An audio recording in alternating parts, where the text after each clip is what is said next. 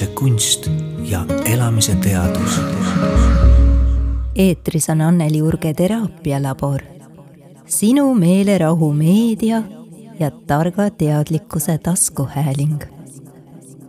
väljavõte Iida päevikust. mu tunded on nii tugevad, naeran, nutan, liigun, olen tegus, näen visioone nutan selle üle, millest ilma olen jäänud. aga peamiselt on tohutu rõõm.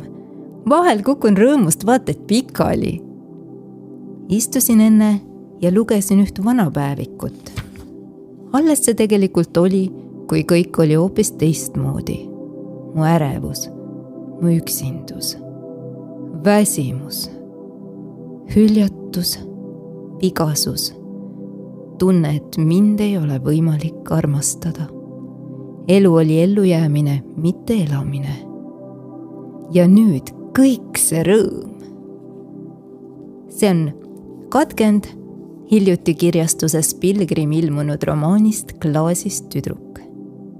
klaasist tüdruk on taanlanna Karin Tüüri dokumentaalromaan intsestist ja selle mõjudest nii lapse kui täiskasvanu eas raamatu kangelanna elab pealtnäha idüllilises peres, kus toimuvad ühised muusikaõhtud ja intellektuaalsed vestlused. kuid kangelanna jaoks kukub see perfektne kaardimaja öösiti kokku, kui armastavast päevaisast saab julm väärkohtleja.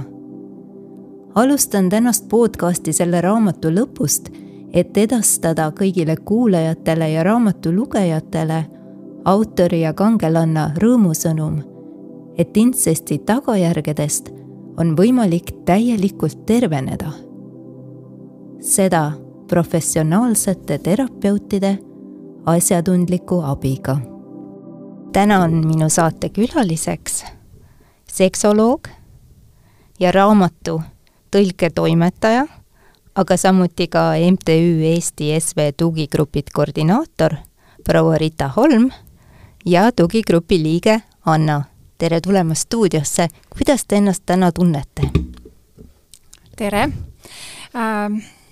mis siin ikka natukene on väsinud, sellepärast et homme on äh, suur ja tähtis konverents, mis on meie MTÜ korraldatud ja sel-, tänu sellele on väga kiire olnud. ja tuli ka kaasa elada eilsele Pealtnägijale, kus meie grupi liikmed oma lugusid rääkisid jah, äh, praegu ikka veel selle eilse Pealtnägija meelevallas, et äh, natuke on ärev olla, aga väga hea meel ka siin olla, et me saame rääkida tugigruppidest ja, ja kõige peamisena klaasist tüdrukust aga kuna te mainisite juba seda suurt konverentsi, mis homme toimub Riigikogus ja samuti eilset Pealtnägija, Pealtnägija programmi, siis ähm, palun andke ka meie kuulajatele väike ülevaade, millest siis jutt konverents on intsestist ja sellel on selline saamislugu sellel konverentsil, et see on väga seotud selle raamatuga Klaasist tüdruk, mis äh, üheksandal jaanuaril justkui sünnipäevakingiks mulle just müügile tuli, välja tuli. et ähm, kirjastajaga mõtlesime, et äh, et väga kahju, kui äh, kirja kangelane Karin Tüür sõidab Taanist kohale, vanaproua, seitsmekümne viie aastane, ja siis istub Rahva Raamatu poes äkki kusagil kümme inimest teda kuulamas, et oleks väga kahju, et äh, ma arvan, et äh, palju rohkem inimesi ole, tahaks nagu kuulata autori lugu ja küsida tema käest küsimusi. Ja siis ma nagu mõtlesin, ma teadsin juba enne tegelikult, et intsest on selline tabuteema Eestis ja väga tihti inimesed ei teagi, mida see päris täpselt tähendab. Ja nii ma siis hakkasingi tasapisi selle raamatu esitluse ümber äh, mõtlema, et miks me ei võiks teha ühte korralikku konverentsi, kus on spetsialistid koos, ma tean, väga hästi tunnen Soome spetsialisti Jussi Nissist ja ma kutsusin teda ja ta oli kohe nõus tulema ja Eesti terapeudid Kaire Talviste äh,, Kait Sinisalu, kes samal ajal, kui nad on Eesti juhtivaid te,, juhtivad terapeudid, on nad ka meie tugigruppide liikmeid väga paljusid aidanud, sest nad tegelevad ka meie tugigrupi liikmetega.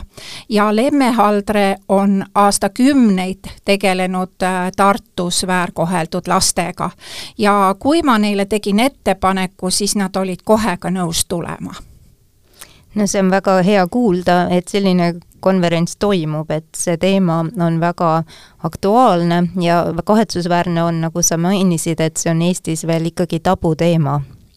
kui see raamat Taanis ilmus kahe tuhande neljandal aastal, siis ähm, ilmnes ka kohutav tõde, et vähemalt iga kümnes taanlane on sattunud seksuaalse väärkohtlemise ohvriks ma vaatasin enne meie tänast salvestust üle Eesti statistika ja Justiitsministeeriumi kodulehelt võib ähm, lugeda, et aastal ähm, kaks tuhat kakskümmend üks on lastevastaste seksuaalkuritegude arv suurenenud kolmkümmend kaheksa protsenti, toime pandi kokku kuussada kuuskümmend kolm kuritegu, mille siis äh, tüüpiline ohver on üheteistaastane tüdruk.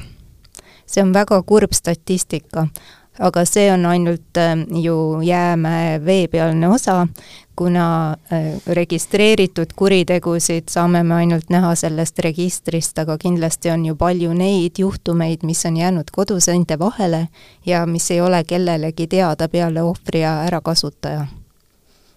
Ja kahjuks nii on ja kui mina vaatan meie tugigruppide statistikat, siis sealt tuleb välja see, et äh, meie liikmete hulgas äh, üle viiekümne protsendi on just nimelt intsesti ohvrid ja üle viiekümne protsendi on neid, keda on seksuaalselt väärkoheldud enne kuueaastaseks saamist. Ja see on päris julm statistika see on päris julm statistika äh, ja Justiitsministeeriumi statistika järgi äh, pandi siis äh, aastal kaks tuhat kakskümmend üks Eestis toime kolmkümmend viis intsesti kuritegu, mis on lihtsalt ka väga suur number ja muidugi ka see on suur number, aga see on tõesti see jääm pisikene tipp ainult. nii see on insest on iseenesest äh, suurim reetmine, mis üldse saab olla, sest igal lapsel on vajadus usaldada oma vanemaid ja oma hooldajaid ja reetmine on äh, kõige suurem usalduse kurvida-, kuritarvitamine. kas te nõustute minuga? jah, täielikult, millised on võimalused, et seda äh, jubedat kuritegu üldsegi ennetada? ma tean, et te olete ka seksuaalkasvataja ja see on ainus viis, et inimestele teadvustada selle kuriteo olemust ja, ja inimeste endi õiguseid ja vabadusi.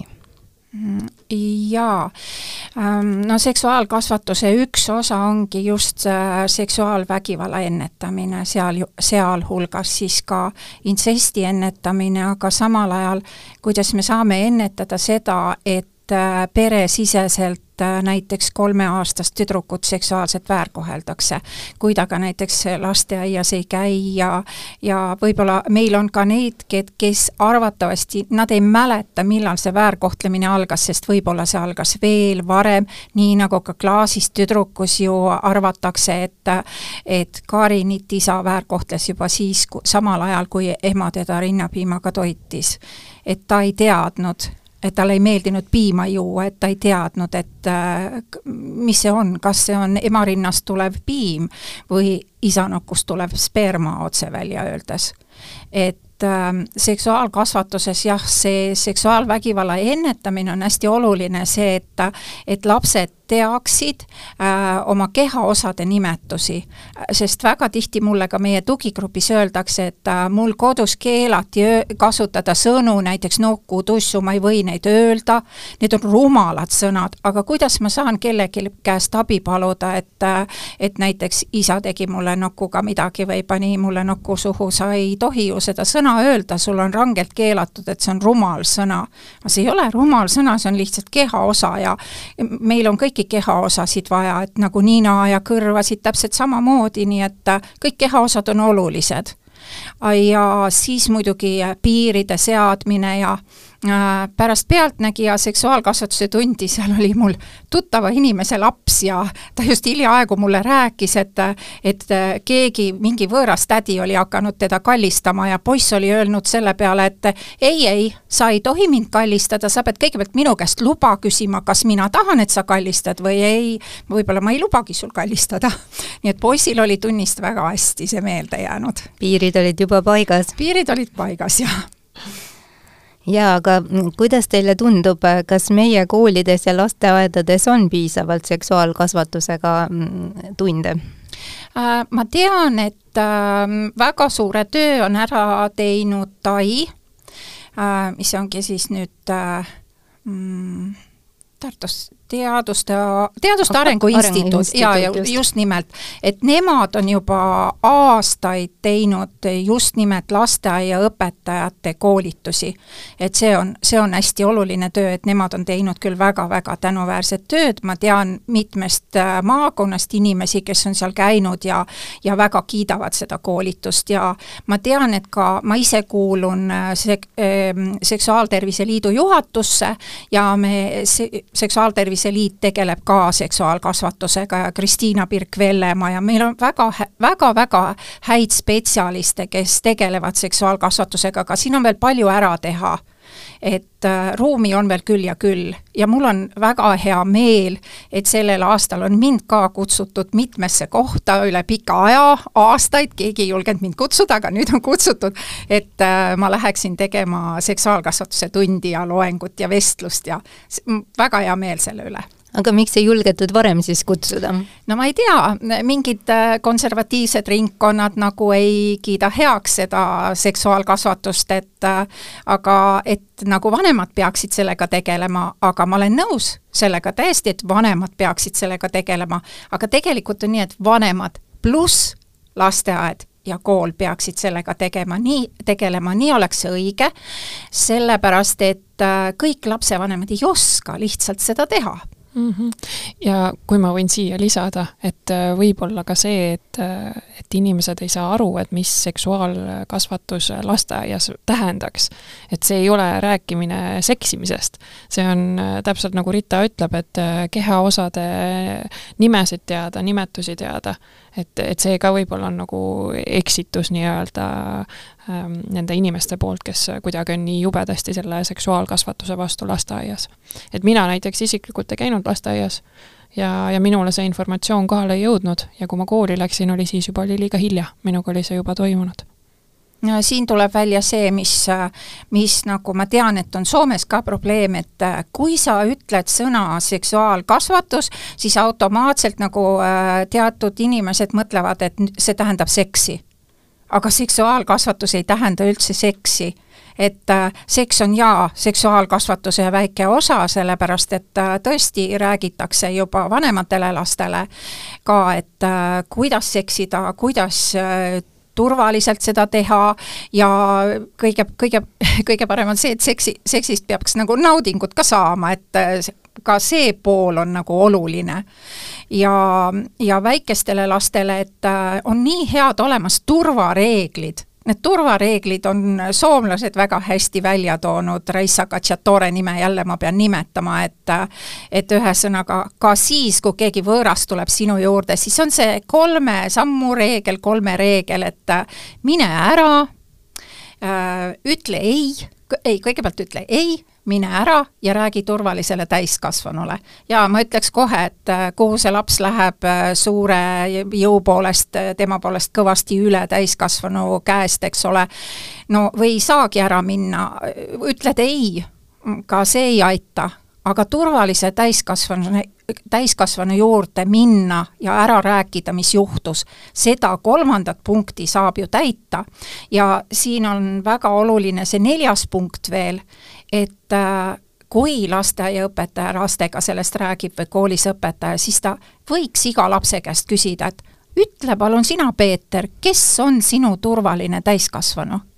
et laps teaks, et tal peaks selline olemas olema ja kui ei ole, et ta siis mõtleks natukene, et kes see võiks olla, et igal lapsel oleks see turvaline täiskasvanu olemas see on väga oluline ja konflikt võib tekkida siis, kui laps läheb ju rääkima oma kõige lähedasemale täiskasvanule, kes on siis tema lapsevanem või hooldaja, ja kes ei ole see turvaline lapsevanem, vaid vastupidi, ongi kuritarvitaja, siis see ring sulgubki mm -hmm. ja keegi ei saagi sellest rohkem teada ühes vallas mulle öeldi, et äh, ma ütlesin, et äh, me alustaks seksuaalkasvatust äh, lastest, siis räägiks pedagoogidele ja siis lõpuks lapsevanematele. Nad ütlesid, ei, kutsume ikka kõigepealt lapsevanemad. jah, te kutsute lapsevanemad, te räägite, et meil tuleb selline, selline vestlus, just seksuaalvägivalla ennetamise vestlus, no need lapsed pärast seda küll ei julge lasteaias midagi rääkida, sest emad ja isad on neil suu kinni pannud, kes neid väärkohtlevad arusaadav on see, ennetus on väga tähtis, aga räägime ka nüüd tagajärgedest, räägime, mis on siis võimalused, kui see kuritegu on juba toime pandud. kuidas äh, algab see tervenemise tee? kui meie tugigruppidest võtta, siis äh, tervenemise tee algab sellest, et sa otsustad ühel päeval, et ma tõesti enam nii ei taha, ma tahan midagi muuta, ma olen võib-olla kusagilt kuulnud, et äh, on selline võimalus, kuidas saaks midagi muuta, ükskõik, tulla tugigruppi, äh, minna terapeudi juurde, leida hea mm, mm, psühholoog või nagu raamatus Karinil, teda ei aidanud psühhiaater ega psühholoog, vaid teda aitas medõde või noh, medvend just, et see raamatust, ähm, sellest jäi küll õõvastav mulje, kui pikka aega, peaaegu kakskümmend aastat üks inimene oli lihtsalt psühhiaatri haiglate patsient ja tuubiti ta medikamente täis, mis eriti ei viinud edasi aga sellist asja kuulen mina oma tugigruppides ka, kus inimesed räägivad, et ma käisin psühholoogi juures, ma rääkisin talle oma loo ära ja siis ma mainisin ka, et noh, mul on nagu emaga raske ja lugu oli lapsepõlve väärkohtlemine. ja psühholoog siis äh, hakkab tegutsema selle ema probleemiga, jättes täiesti kõrvale asja, mis on selle ema probleemiga seotud, lapsepõlve seksuaalse väärkohtlemise no see on täiesti lubamatu ja küsimus on, kui kvalifitseeritud see psühholoog on. Ja seetõttu ongi just väga tähtis, et kõik inimesed, kes vajavad abi, satuksid ikka oma ala professionaalsete tegijate juurde. täpselt, aga probleem on selles, et äh, kahjuks, äh, kui valmistatakse Eestis psühholooge ette ülikoolides, siis neile seksuaalvägivalda praktiliselt ei loeta, neile ei anta neid teadmisi, kust nad peavad ka neid teadmisi siis teadma, kui neile ei ole neid antud.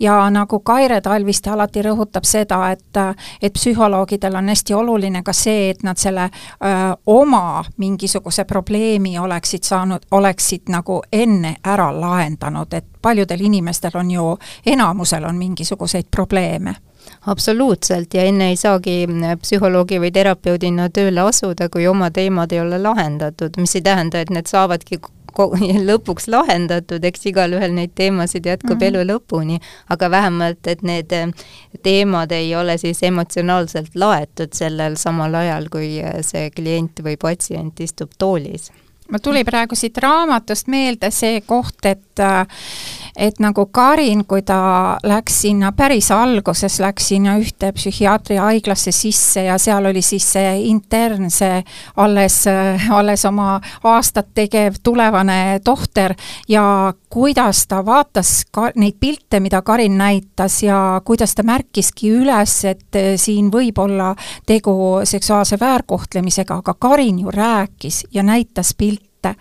ja, ja ka näiteks äh, veidi hiljem, kui ta, äh, kui ta andis äh, mingisuguse raskesti loetava paberi Medvend Toomase kätte ja ütles, et siin on kümme asja, mida sa minu käest ei tohi küsida ja seal oli hulgas siis loomaaed ja kasvuhoone, kus, kus toimus intsest, et ja see Medvend viskas selle prügikasti, selle paberi ja see on väga kahetsusväärne, et äh, inimese elu niimoodi raisati. ta oleks võinud saada palju kiiremalt äh, professionaalset abi. et neid probleeme nagu medikamentidega ei ravi, ikkagi tuleb tegeleda inimese tunnetega, sest et tavaliselt insesti ohvrite tunded on väga alla surutud ja reaalsustajuga on suured probleemid. kas mul on õigus? on küll jah, kindlasti, et äh, enda kogemusest, äh, kui nüüd natuke tagasi ka minna, et kust äh,, kui sa küsisid, et kust see tervenemise tee algab, et kindlasti esimene asi või esimene samm on siis, kui, kui endale teadvustada, et niimoodi ma enam ei soovi elada. et midagi on valesti ja ma lähen otsin abi ja, ja ainult äh, ise mina saan otsustada, et nüüd on see aeg, et ma hakkan tervenema ja, ja see võib muidugi ju kesta aastaid, aastakümneid, see vaikimine, äh, ka minu enda puhul, et et esimene inimene, kellele ma sellest rääkisin, äh, juhtus olema minu äh, Äh, väga lähedane sugulane, aga tema mind ei uskunud. ja, ja nii jäigi minu lugu rääkimata umbes kahekümneks aastaks. et, et ma julgesin sellest äh, teist korda uuesti rääkida äh, alles kakskümmend, kakskümmend viis aastat hiljem, siis juba täitsa täiskasvanuna mis ja. sulle selle tõuke andis, et sa julgesid uuesti rääkida, kus sa said selle julguse?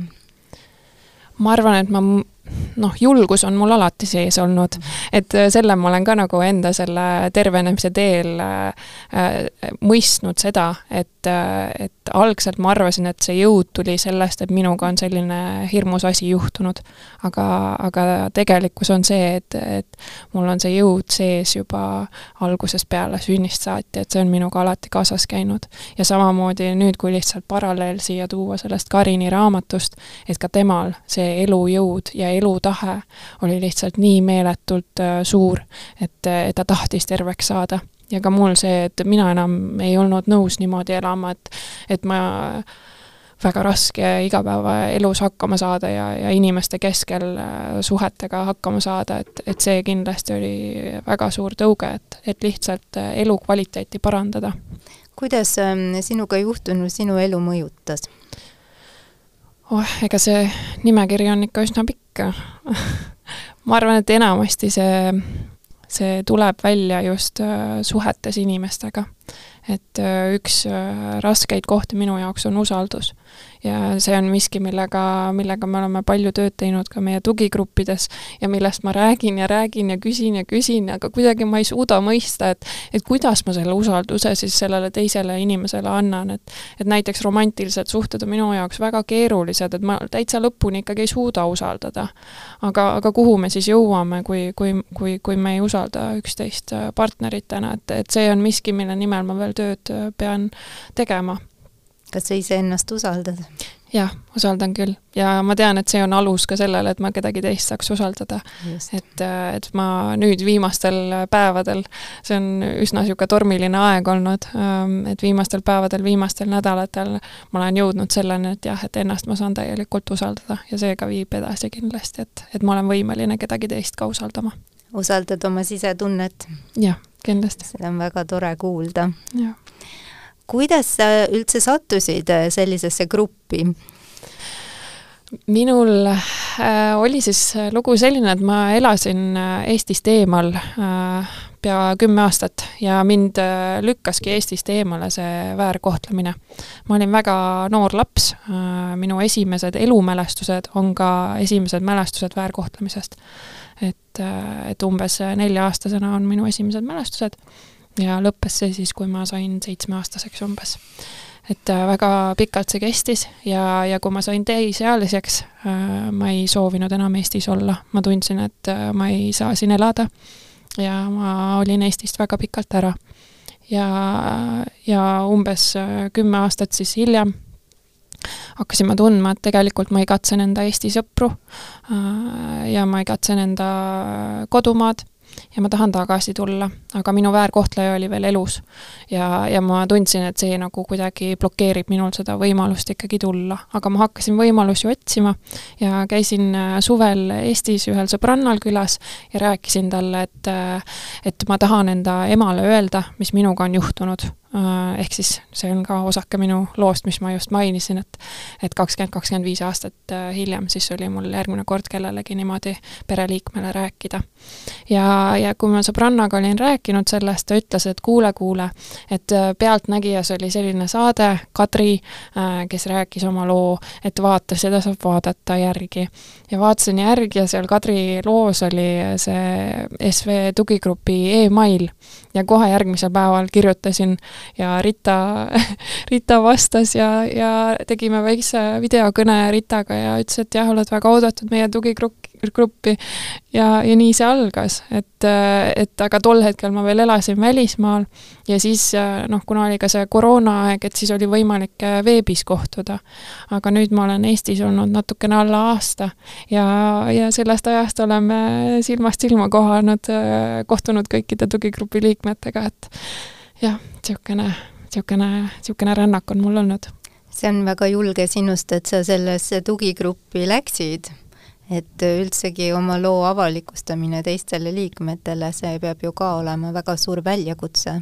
kindlasti, mina olin, enne seda ma olin lihtsalt psühholoogi juures käinud, aga natuke nagu me oleme täna ka rääkinud, et see äh, inimene, kelle juures ma käisin, tema oli lihtsalt äh, gestalt terapeut. Ja, ja ta ei, tal ei olnud teadmisi sellest äh, seksuaalsest äh, väärkohtlemisest. Ja kuigi ma talle rääkisin sellest enda kogemusest, ta kahjuks ei öelnud ka seda, et tema ei ole see õige inimene, kes oskaks mind aidata. aga noh, tol hetkel see oli kõik sellise koroona, koroonat ümbritsev aeg, et et neid muresid ja mõtteid oli nii palju, mida temaga jagada ja mida ta aitas siis lahendada. aga seal ma nagu hakkasin tundma järjest enam, et mul on vaja midagi täpsemalt selle kohta, kus minu nagu need äh, probleemid ja mured juurduvad. ja, ja ma otsisin tegelikult, et, et seal välismaal, kus ma ma elasin, et, et kas on olemas kohalikku äh, gruppi, aga noh, siis jäi barjääriks nagu see keel, et, et ikkagi emakeeles, oma keeles rääkida nendest muredest. ja ka see, et on teised inimesed, kes on läbi käinud samasuguse tee ja nagu meil nüüd ka on tugigrupis, et miks miks, miks ma ikka lähen sinna tagasi, noh, see on üks põhjustest, on see, et ma ei pea mitte midagi selgitama. kõik need inimesed, kes seal on, neil on nii sarnane elukogemus, et me vaatame üksteist ja me juba teame ja me ei pea selgitama, et, et miks ma nii tunnen või, või et ma ei taha midagi öelda või et, et see arusaamine on lihtsalt meeletu ja nii, nii suur jõud, mis sealt kaasa tuleb praegu sa just tõestasid iseendale ja meile ka, et sa oled võimeline usaldama teisi inimesi. ja ka sellega, et sa tulid siia appi, milline sündmus, hurraa! sa tulid ka siia podcasti, on tõendus selle kohta, nii et äh, sa oled väga vapper ja tubli. aitäh, aga see põhjus ka, miks ma kindlasti tahtsin Ritat siia toetama tulla, oli see, et ähm, et inimesed kuuleksid sellest rohkem ja kindlasti on, on see tunne hoopis teine, äh, kui räägib äh, inimene, kes seda on päriselt kogenud. et, äh, et kuigi täna ma siin ei räägi enda päris nimega, kuna minul on veel selgitustöid nii-öelda vaja teha, sellest hoolimata äh, minuga on selline inetu ja vastikust tekitav äh, lugu juhtunud ja ma tahan seda teistega jagada, et äh, olla ka inspiratsiooniks, et, et võimalik on terveneda või vähemalt tervenemise teele saada. et, et ma tahan teisi inimesi ka aidata see on suurepärane. kui veel tagasi tulla selle sinu läbitud teekonna juurde, siis mis sulle tundus kõige suurema väljakutsena? Niisugune hea küsimus. noh, see esimene samm on kindlasti hästi, hästi suur väljakutse, aga see töö endaga üleüldises mõttes, me võime ju endaga töötada väga paljudel äh, teemadel, aga see, need teemad, mis selle intsesti ja seksuaalväärkohtlemisega kaasnevad, on väga valusad teemad. et see võtab jubedalt energiat ja, ja elus peab kindlasti olema selline aeg, mis võimaldab äh, sellega tegeleda. et mina olin, mina olin väga noh, kas saab just olla, öelda õnnelik, aga mul oli hea meel, et oli see koroona just, et oli võimalus kodus olla, ma ei pidanud kuskile minema, ma tegin kodukontorit. Ja tead, kui oligi üks hommik nii kehv olla, et et ma enam ei jaksa, no siis paned selle arvuti kell üheksa null viis ka käima ja ega keegi seda teada ei saa, et ma niimoodi tegin, nüüd saavad. Aga, aga see, et see võtab nii meeletult energiat, et see on suurem kui täistööajaga töö äh, endaga siis edasi liikuda ja ja väga kindlalt nagu kümne küünega sellest kinni hoida, et jah, ma tahan terveneda ja ma tahan edasi liikuda.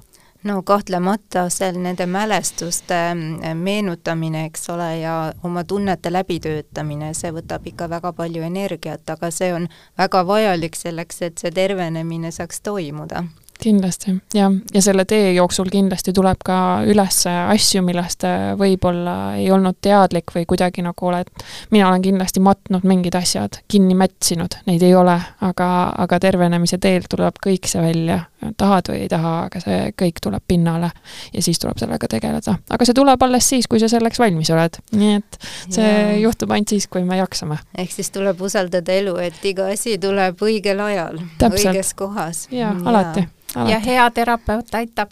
absoluutselt ja äh, Kaire Talviste, suur aitäh, kui kuulad ja, ja on ju ka erinevaid äh, teraapiavorme, kes te-, aitavad kindlasti nendes küsimustes, näiteks äh, minule teadaolevalt Holistika Instituudis õpetatakse holistilisi regressiooniterapeute välja traumatöödeks ja mm -hmm. seal on ka palju kliente, kes on olnud insesti ohvrid ja töö on enamasti siis ikkagi inimese tunnetega. ja, ja see ikkagi nõuab suurt julgust, et äh, neid tundeid tunda Kindlasti. ja üks nendest tunnetest, äh, mida on palju alla surutud, on viha. kuidas sina oled oma vihaga toime tulnud? mul, äh, meil, mul ongi väga niisugune ähm, hiljutine kogemus, et äh, käisin tegemas äh, konstellatsiooni, minu kohta siis tehti töö ja, ja sinna väljale äh, toodi siis esindajatena mina ise muidugi, minu ema, minu isa ja minu vanaisa, kes oli, oli minu väärkohtleja. ja, ja ma arvasin, see juhtus nüüd äh, paar päeva tagasi alles, see konstellatsioonitöö, ma arvasin, et ma olen sellest vihast vanaisa vastu üle saanud.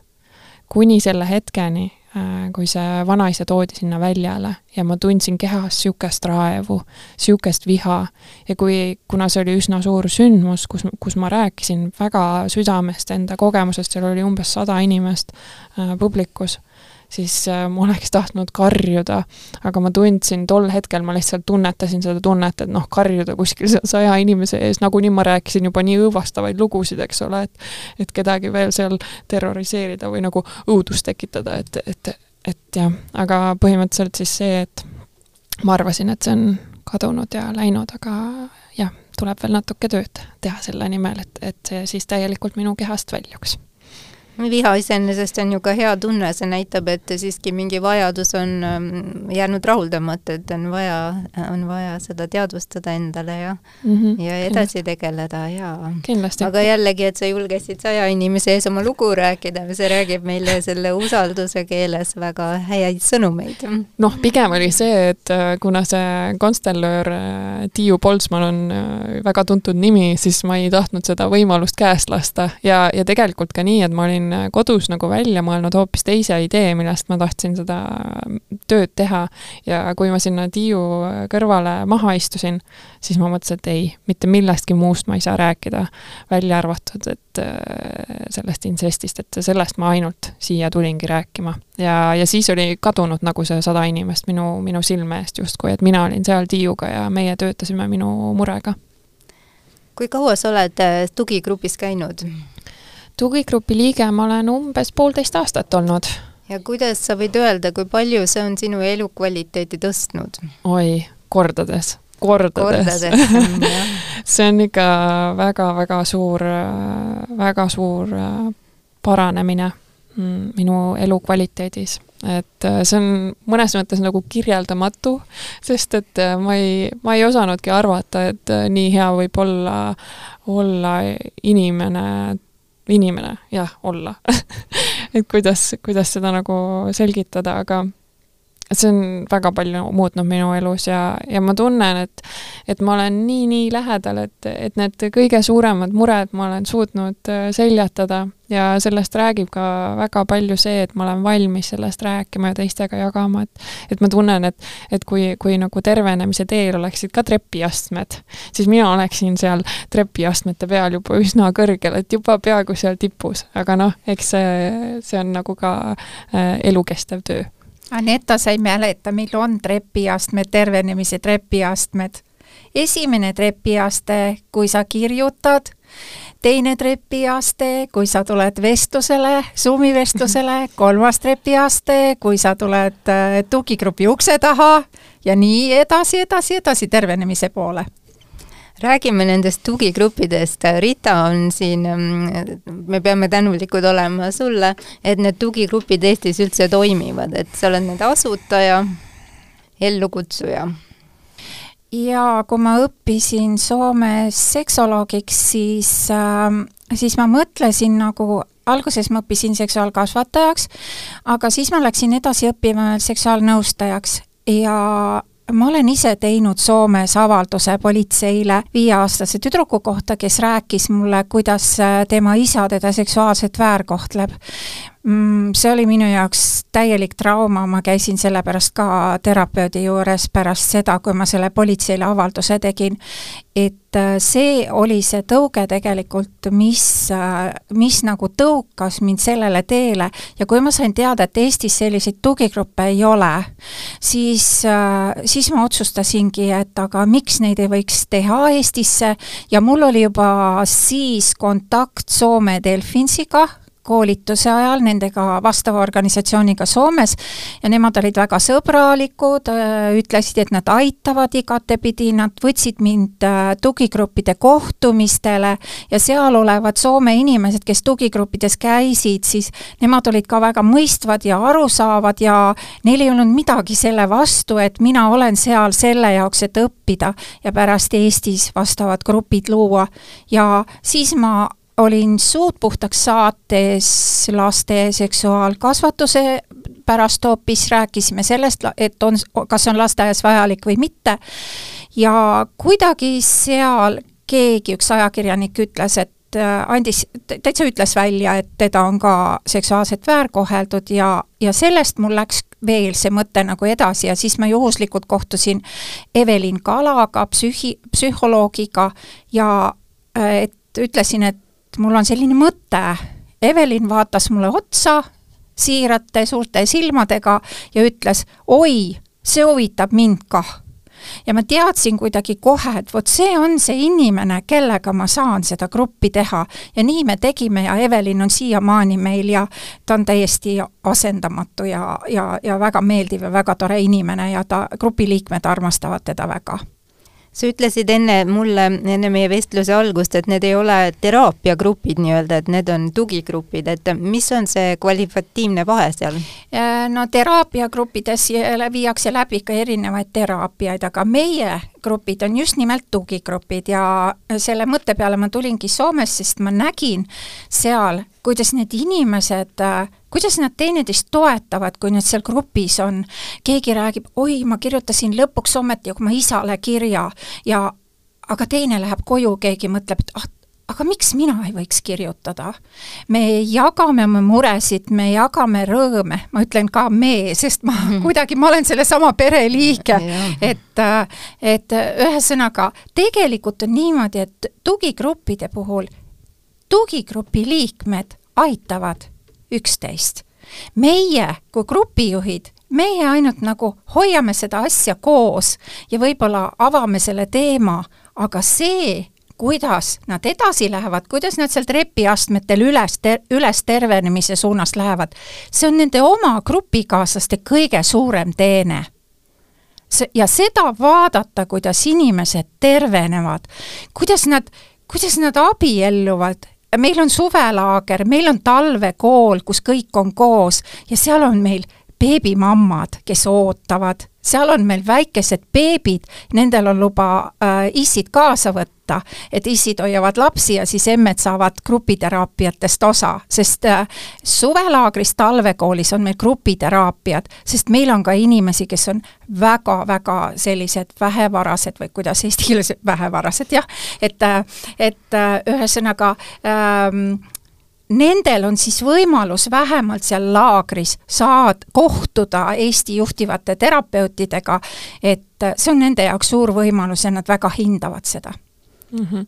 ja kui ma siia lisan, et, et nagu nimi juba viitab, et tugigrupp, eks ole, et, et kui, kui mina sinna tugigruppi sattusin, et, et ma sain aru, et see on niivõrd suur väärtus, et, et kõik me tugigrupi liikmed oleme läbi käinud väga taolise tee.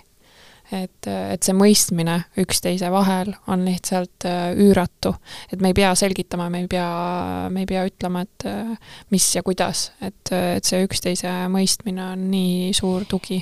Ma võin siia tuua ühe näite, et kui tavaliselt, äh, kui näiteks keegi teeb midagi halba, no ma ei tea, võib-olla lööb oma last või, või on vägivaldne oma lapse suhtes või ta ei julge ju seda kellelegi tunnistada, aga meie tugigrupis julgeb mm. -hmm. või et keegi ütleb, et ma hülgasin oma laps, me räägime just, et kuidas mõjub äh, selle näiteks grupi kohtumisel, kuidas mõjub seksuaalne vägivald äh, näiteks emaks olemisele, lapse ootamisele, sünnitamisele ja siis äkki keegi karjatab, nüüd ma saan lõpuks aru, et ai, sellepärast ma siis jätsingi oma lapse niimoodi noh, hooletusse või. et ta, ta kogu aeg süüdistas ennast, ta ei teadnud, et mille pärast ta tegi midagi nii jubedat ja kellelegi ei julge tunnistada, aga grupis ta julgeb seda öelda, sest keegi ei mõista teda hukka. või et ta kasutas narkootikume või et tal oli mingi väga palju seksuaalsuhteid ükskõik kellega. grupis julgevad kõik seda rääkida, sest keegi ei mõista hukka see on, need on väga delikaatsed teemad, kuidas on konfidentsiaalsus tagatud äh, nendes gruppides? meil on reeglid, kõik loevad reeglid läbi ja noh, ei ole siiamaani veel tulnud kusagilt midagi, et keegi oleks öelnud, et keegi on kellegi saladusi välja rääkinud, ma ei, ma ei kujuta ette, mis inimene see oleks, kes üldse midagi taolist teeks. ma küll ei ole kuulnud, et keegi teeks midagi taolist absoluutselt mitte. Ja ka see, et äh, kui ei, kui ei soovi, siis ei pea seal olema ju päris nimega, et kui noh, eks Eesti on ikkagi nii väike, et, et ütled oma nime ja üsna kiirelt äh, saadakse teada, aga grupiliikmete omavahel võib vist siia nüüd siis selle sõna öelda, usaldus on kindlasti, et, et usaldame üksteist. Ja me anname võimaluse olla vale nimega grupis ka. ma pakun seda võimalust alati.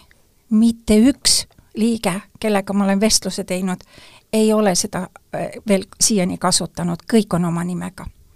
aga me ei küsi inimese kodust aadressi, me ei küsi, kus ta töötab, me ei küsi, mitu last tal on, kui ta ise tahab rääkida, siis ta räägib, aga me ei küsi seda ta käest. ma küsin jah, et kas sa elad Tartus, tuled Tartu rühma, kas sa elad Tartus. Ja see on kõik, ta ütleb mulle, et ta elab ja ma usun seda, ma usaldan, et ta, et see nii ongi ja see polegi ju tegelikult oluline. et oluline on, et inimene on kohal ja saab sellest grupist tuge. just. kui tulla tagasi selle raamatu juurde, millest me siia seda podcasti alustasime, siis ähm, milliseid tundeid see teis tekitas mm.?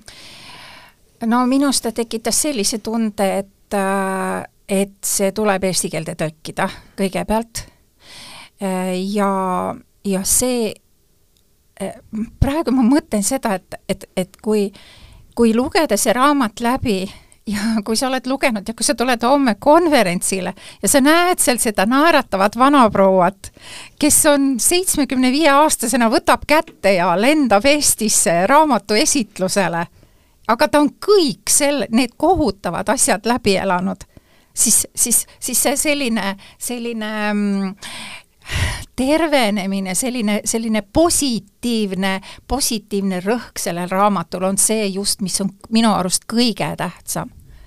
et tervenemine on võimalik, et saab terveks ja, ja, ja saab jätkata tervena elamist või nagu Karin ütles, ütles telefonivestluses, et, et kui tema kallis mees suri, et siis ta tuli sellega toime. ta juba oskas sellega toime tulla mm. -hmm. Ja kindlasti on nagu väga toetav ka teada, et sellel raamatul on positiivne lõpp. et ma tänan Ritat, et ta mulle ütles, et see raamat väga positiivselt lõpeb, sest muidu noh, raamat on üsna pikk, siin on üle neljasaja lehe, et ega seda ühe päevaga nüüd nagu ei jaksa ära lugeda, aga kui, kui päevade peale nagu ära jaotada, siis see algus on ikka raske, et, et jube, jube raskelt nagu läheb see lugemine selles mõttes raskelt, et ähm, et emotsionaalselt on see suur koorem äh, kuulata või lugeda siis kellegi teise sellist äh, lugu, aga, aga see on väga motiveeriv, et, et tõesti äh,, Karin on täna terve ja, ja ikka veel siin meie hulgas ja saab meile oma seiklustest, seiklustest rääkida nii et kuulajad, kui teid huvitab, lugege see raamat läbi ja kui teile vahepeal tundub, et see on, see on väga õudne, see on väga kohutav, siis mõelge kas või nii, aga see oli selle väikese tüdruku täiesti igapäevane elu ja selliseid tüdrukuid on palju veel. ja nad peavadki sellistes tingimustes kahjuks elama ja keegi ei tea, mis nendega juhtub ja kui seda raamatut lugeda, siis äh, võib see olla väga silmi avav et inimesed, ähm, nende empaatiatunne kindlasti suureneb ja nad hakkavad nägema inimesi enda ümber ja ka neid väikeseid tüdrukuid või ka väikeseid poisse, kes tegelikult abi vajavad ja kellel ei ole kedagi käe-jala juures. Mm.. kindlasti ma just ka need, mul on homme väike ettekanne seal ka just seksuaalkasvatus kui intsesti ennetamine ja ma toon seal välja sellised asjad, et äh, miks lapsed ei räägi ja miks täiskasvanud ei reageeri, kui nad isegi näevad. see on suur pikk nimekiri, et neid põhjuseid on väga palju väga, väga, väga palju jah, nagu me siin eelnevalt rääkisime, see vaikimise barjääri ületamine võimaldabki tegelikult tervenema asuda. sest et kui ei saa rääkida kellelegi või ei usuta, siis inimene hakkab iseendas ju kahtlema, et tema lugu pole õige, et ta pole ise õige mm. -hmm. ja ma kirjutasin ka kunagi ühe artikli, et selleks, et paraneda, tuleb rääkida. jah, see on vältimatu ka sellel teekonnal. kuidas on andestamisega ähm...? kas on ilmtingimata vajalik andestada või on andestamine ja selle pealesurumine pigem inimese retraumeerimine? Äh, see on inimesele traumeerimine, kui seda peale suruda, et äh, mina olen, ma võin tuua ühe näite näiteks meie tugigrupist, et äh, see, tema tuli ka gruppi just pärast Pealtnägijat ja kui me temaga hakkasime vestlema, siis ta väga põhjalikult rääkis oma emast, tema ema abiellus tema väärkohtlejaga. ja hiljem nõudis kogu aeg, et äh, tütar käiks seal nende kodus ja kui ta ei tahtnud minna, siis ühesõnaga ta ütles, et kuidas sa ei tule, ma olen see ema, sa pead tulema ema juurde, eks ole. ja, ja siis ma küsisin ka lõpuks tema käest, et mm, aga miks sa pead sinna minema? siis ta ütleski, et ah, ma pean, ta on ju mu ema ja siis me rääkisime pikalt, aga et äh, kas ema, mis on ema ülesanded, kas ta kaitses sind, kui ta teadis väärkohtlemisest, et kuidas ta käitus, sest tegelikkus on ju see, kui ema teab, siis ta on kuriteo kaasosaline. see on fakt, aga seda kunagi kusagil ei nimetata. ja, ja nagu ka Karini puhul seal raamatus on, eks ole, et äh, et kas ema teadis või ei teadnud kindlasti teadis. no sellest ei äh, kahtlustki. jaa, see on il-, täiesti ilmne, ma-, magab kõrvaltoas ja ta ei kuule, et tema mees igal öösel üles tõuseb ja kusagile läheb, kusagile kõrvaltuppa, kõrvaltuppa, eks ole, jah. et, äh, et jah, et see, ähm, see, see lugu jah, millest ma rääkisin, eks ole, et, et jah, ta on mu ema äh, ja tema läks ka, tal oli ka see juhus, et ta läks äh, psühholoogi juurde ja ja rääkis selle loo ära ja psühholoog ütles, et oi, sa pead oma emaga ikka rahu tegema ja tule oma emaga nüüd siia minu juurde ja tänaseks on ta abielus ta ootab praegu oma esimest beebit ja ta ei kutsunud oma ema enda pulma ja ta ema tegi veel väga koleda lükke, sest ema kutsus sõbrannad külla ja, ja, ja ütles, et hm, mu tütar abiellub täna, et hm, mind ta pulma ei kutsunud, aga ta ei küsinud, mille pärast ei kutsunud. ja ähm, see naine on väga õnnelik nüüd, sest ta on vabanenud sellest kohustusest, et ta, et teda kogu aeg ju uuesti traumeeriti, uuesti iga kord uuesti traumeerimine, kui ta läheb sinna ema juurde, kus istub diivani peal tema väärkohtleja absoluutselt. Ja eks ole, et ei olegi ju nendes olukordades äh, vajalik see suhtlemine väärkohtlejaga, see on ju lihtsalt lubamatu. Ja ei pea andestama. ma, see oli päris alguses, kui ma veel olin ka roheline ja ma mõt-, jäin mõtlema, et kas ma ikka ütlesin nüüd talle õigesti, et sa ei pea seda tegema, sa ei pea emaga suhtlema ainult sellepärast, et ta on ema. Ja ma helistasin Kait Sinisalule ja küsisin, et, et Kait, ega ma nüüd valesti ei teinud. Siis ta ütles, et ei, ma ei teinud valesti, siis mul oli, hakkas kohe kergem kuidas teie ennast tasakaalus hoiate, teil on ähm, päevad täis äh, selliseid ähm, küll põnevaid, aga ka emotsionaalseid ähm, väga koormavaid äh, tegevusi nendes tugigruppides, et äh, kuida-, te kuulete paljude teiste inimeste lugusid, kuidas neid, need teid mõjutavad või kuidas te Aha. leiate selle sisemise tasakaalu ja oma keskme? ma lisan siia kõigepealt sellise väga tähtsa fakti, et keegi ei pea oma lugu meil grupis rääkima, et ta tuleb gruppi ja ta räägib oma lugu, ei pea see traumeerib teda, see traumeerib äh, teisi, vaid me käsitleme pika aja peale, kui me käsitleme häbi, viha, süütunnet, me ikkagi räägime sellest, aga see tuleb tasapisi ja vestluse käigus. Anna võib öelda, kuidas temale selline asi nagu mõjub mm? -hmm see vastab küll tõele, et ei pea rääkima midagi, mida sa ei soovi või ei tunne mugavalt, et, et kõik see tuleb nagu aja jooksul. et kas soovid rääkida või ei soovi, kui detailselt ja mida. aga kuidas ma nagu ennast keskmes hoian või kuidas, kuidas sellest äh, nagu edasi liikuda. ma arvan, et mina käin näiteks hästi palju looduses, et äh, mind aitab see, kui ma kuulan linnulaulu, äh, vaatan looduses ringi ja, ja naudin lihtsalt olemist. et selline nagu rahuhetked minu jaoks on, on väga olulised, et kord nädalas seda vähemalt endale lubada linnast välja minna ja ja niisugune rahulikult kulgemine, äh, see kindlasti nagu aitab äh, need mõtted oma kohale panna, äh, väikene puhkus ja, ja siis juba jälle edasi. kas sina Rita Bauerit saad? mina, mina saan noh, kui võib-olla mõtleks siin, et kui kuulad rahulikku muusikat või no mina kuulan metallikat mina kuulan metallikat, Queen'i ja eh, siis sellised, äh, ma ütlen alati, et on nagu klassikamuusika, rokk, Stravinski, ma armastan Stravinski muusikat. lihtsalt ma ei tea, miks, aga minu väga-väga suur lemmik.